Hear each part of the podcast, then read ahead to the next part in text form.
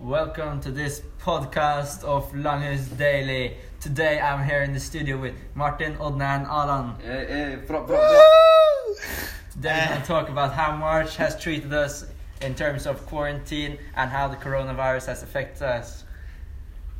Okay, first off, Martin, how's the coronavirus uh, affect, affected your daily life? Well, it's been hard because you know, through the times, the you were only allowed to be in small groups, and uh, not a lot of people were allowed to go outside, which really affected uh, me because I didn't get to socialize as much other than online playing video games. Yeah. Yeah, but still people, you know, went out, went outside and Yeah, and broke the rules. Yeah. Broke rules. Didn't. So it didn't huge parties at in the streets and not in the streets but in Breivol and stuff. Yeah, it's it's true, but like there were a lot of people that weren't allowed to go outside by their parents even Mm. because they were too afraid of uh, them getting corona. Yeah. So there, of course, there were a lot of people breaking the rules, and yes, there, they, uh, there were also a lot of people who didn't break the rules, but still, Yeah, I people weren't allowed. like I was outside with some friends and we accidentally broke the rules because I, I said I couldn't come, but I could come, and they had invited someone else instead of me, so I came also instead. Uh, so we were five people. Six people Yeah. maybe, five was allowed. Five was Five the is limit. allowed, yeah. Six people. Uh, but anyways, uh, even though uh, most people followed the rules, the few who didn't really affected a lot of people and police had to break down some parties. And, But it did affect my parents though, because you know Yeah, when we went outside and sh- you know shopped, like uh, food and stuff, they actually washed the, you know, the the product. product, the product yeah. Ah. the building. You Because washed they, they saw that if people you know touch them, it, it would be like corona infected. Oh yeah, I get, I kind of get that, but at the same time, it seems pretty weird. Yeah, it, yeah. Yeah. I don't think Yeah. it Yeah. does any much. A, re- a little funny story about that is my grandparents had bought um, package of wine and they thought maybe the coronavirus was in the first uh, fir- uh, drops of wine. So uh, at the start they um, went to the sink and took out the start first wine, then they could drink it because now it was safe. It's um, a kind of panic I guess. Yeah, But that- they're close, uh, pushing ninety, so uh, Oh yeah, Didn't see it. that that was they were uh, quite scared. So. that was quite a strange case. Yeah, it's not. I don't think that's too normal. no, not at all. Oh. Yeah, my grandparents they were like they uh, they were drinking some wine as well. But the thing they did was that after they had poured poured the wine, they like they believed that ice cubes would get rid of corona for some dumb reason. Ice so so they put they put ice cubes inside of the wine to make it safe from corona. Uh, my yeah, that my grumpy grandma, she didn't give a single shit about Corona, so she just went out with friends everywhere in the city. She didn't care. She went to the cafe and sat down with three or four friends when it was uh, limited to three people.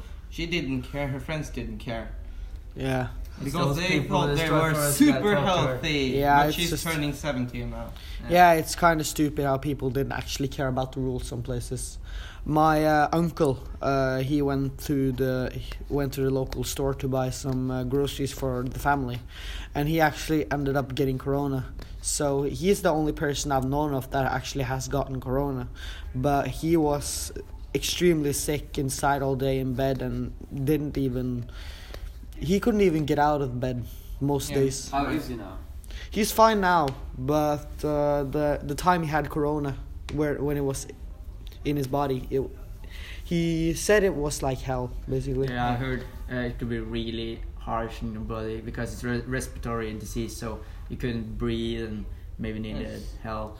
Yeah. Yeah, It can, my re- family it can was, really mess up Yeah, things. my family was very scared of corona because my dad is uh, an asthmatic and uh, also he has um, other breathing problems Yeah. that can affect uh, his uh, his life with corona. So mm, uh, corona can be very lethal for my dad, and uh, it was very scary when my dad just started coughing a lot, and uh, it was um, lung dis- uh, lung infection Yeah, like Uh, Yeah. corona. Uh, not corona. So Yeah. we were very glad it wasn't corona, but uh, we were still scared because li- lung infection can be very scary for him. Yeah, that's true. But another thing that's been really affected, uh, has really affected, uh, been affected by Corona, other than people's sanity and their health, is sl- uh, sleep schedules. Oh yeah. Oh yeah. It's really fucked up. Uh, you, Yeah. Martin, have a Oh, good, uh, good yeah, time. because um, uh, around the homeschool days, I um since we could wake up five minutes before school started, get out of the computer and just lie in bed while uh, do attending, still attending school. Uh, I took yeah, I took it for granted, so I was up to like two, three a.m. most days because What? I I believe that like.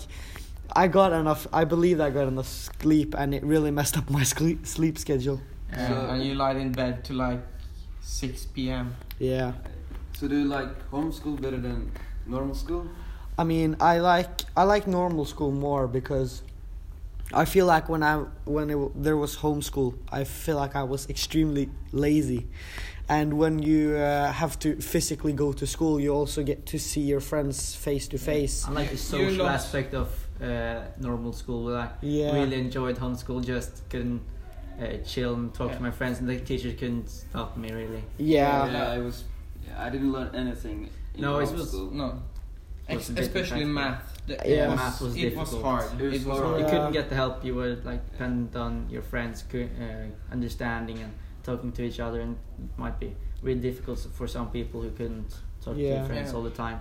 It was really hard for the teachers too, though, because they they had Suddenly have to Yeah. make such a big. yeah they had to make big Yeah. changes in the way they learned things. So Yeah, the and- teachers had hard times to find things to do that we actually could learn or Mm. getting ways to, for us to prove that we actually had done the things we were supposed to do in class so we didn't just attend class and then not do what we were supposed to Yeah, I Yeah. think both teachers and students lo- uh, lost some motivation of Yeah. learning and It teaching. was really difficult for both teacher and Students. students. yeah So, yeah. I'm glad it's over now. Yeah. Yeah. I didn't really expect uh, us coming back to school this year. yeah me neither I but I'm, maybe Really? September we'd be lucky, but yeah I'm, I I'm, I'm just really happy with the way the government Yeah, uh, was- did compared was- to other countries Yeah, Yeah, I was kind of yeah when we got told uh, we're going to school again. I was kind of ecstatic, but also a little bit angry because I have just like get used to homeschooling, yeah Yeah. and then I get a message And you had to in a back. week we're gonna start on school again. Yeah. So I was ecstatic, but also uh, pretty mad. Pretty mad. Yeah, I understand that, but the hardest part for me to get back was to actually wake up in the morning because going from waking up at f- um, five minutes to nine uh, to waking up at half past uh, half past seven is quite the difference. It's a quite large difference, yeah. But Yeah, it's kind of chill. We're st- still starting nine uh, nine o'clock. yeah, And, uh, yeah. in the morning. I'm really That's happy about that. better. than Uh, like off. in Yeah. yeah. and the losers uh, eighth grade they they started uh, how, Yeah, tenth grade are quite lucky I because we was a bit annoyed when they said school is starting again because I shaved my hair. Yeah. I thought Yeah. that it will grow, you know, to, You came back. yeah, yeah. till I came back. But And it I- didn't. so you came, you basically came to still school looking like an egg. Yeah. yeah. Sorry, No, bro. Told me that. Sorry, bro. It's the truth. It's the truth. Yeah, but uh, we're closing in on time limit, so uh, thanks for tuning in, and uh, we'll see you next Big up time. Langens Daily. Let's go. So, bye. Bye.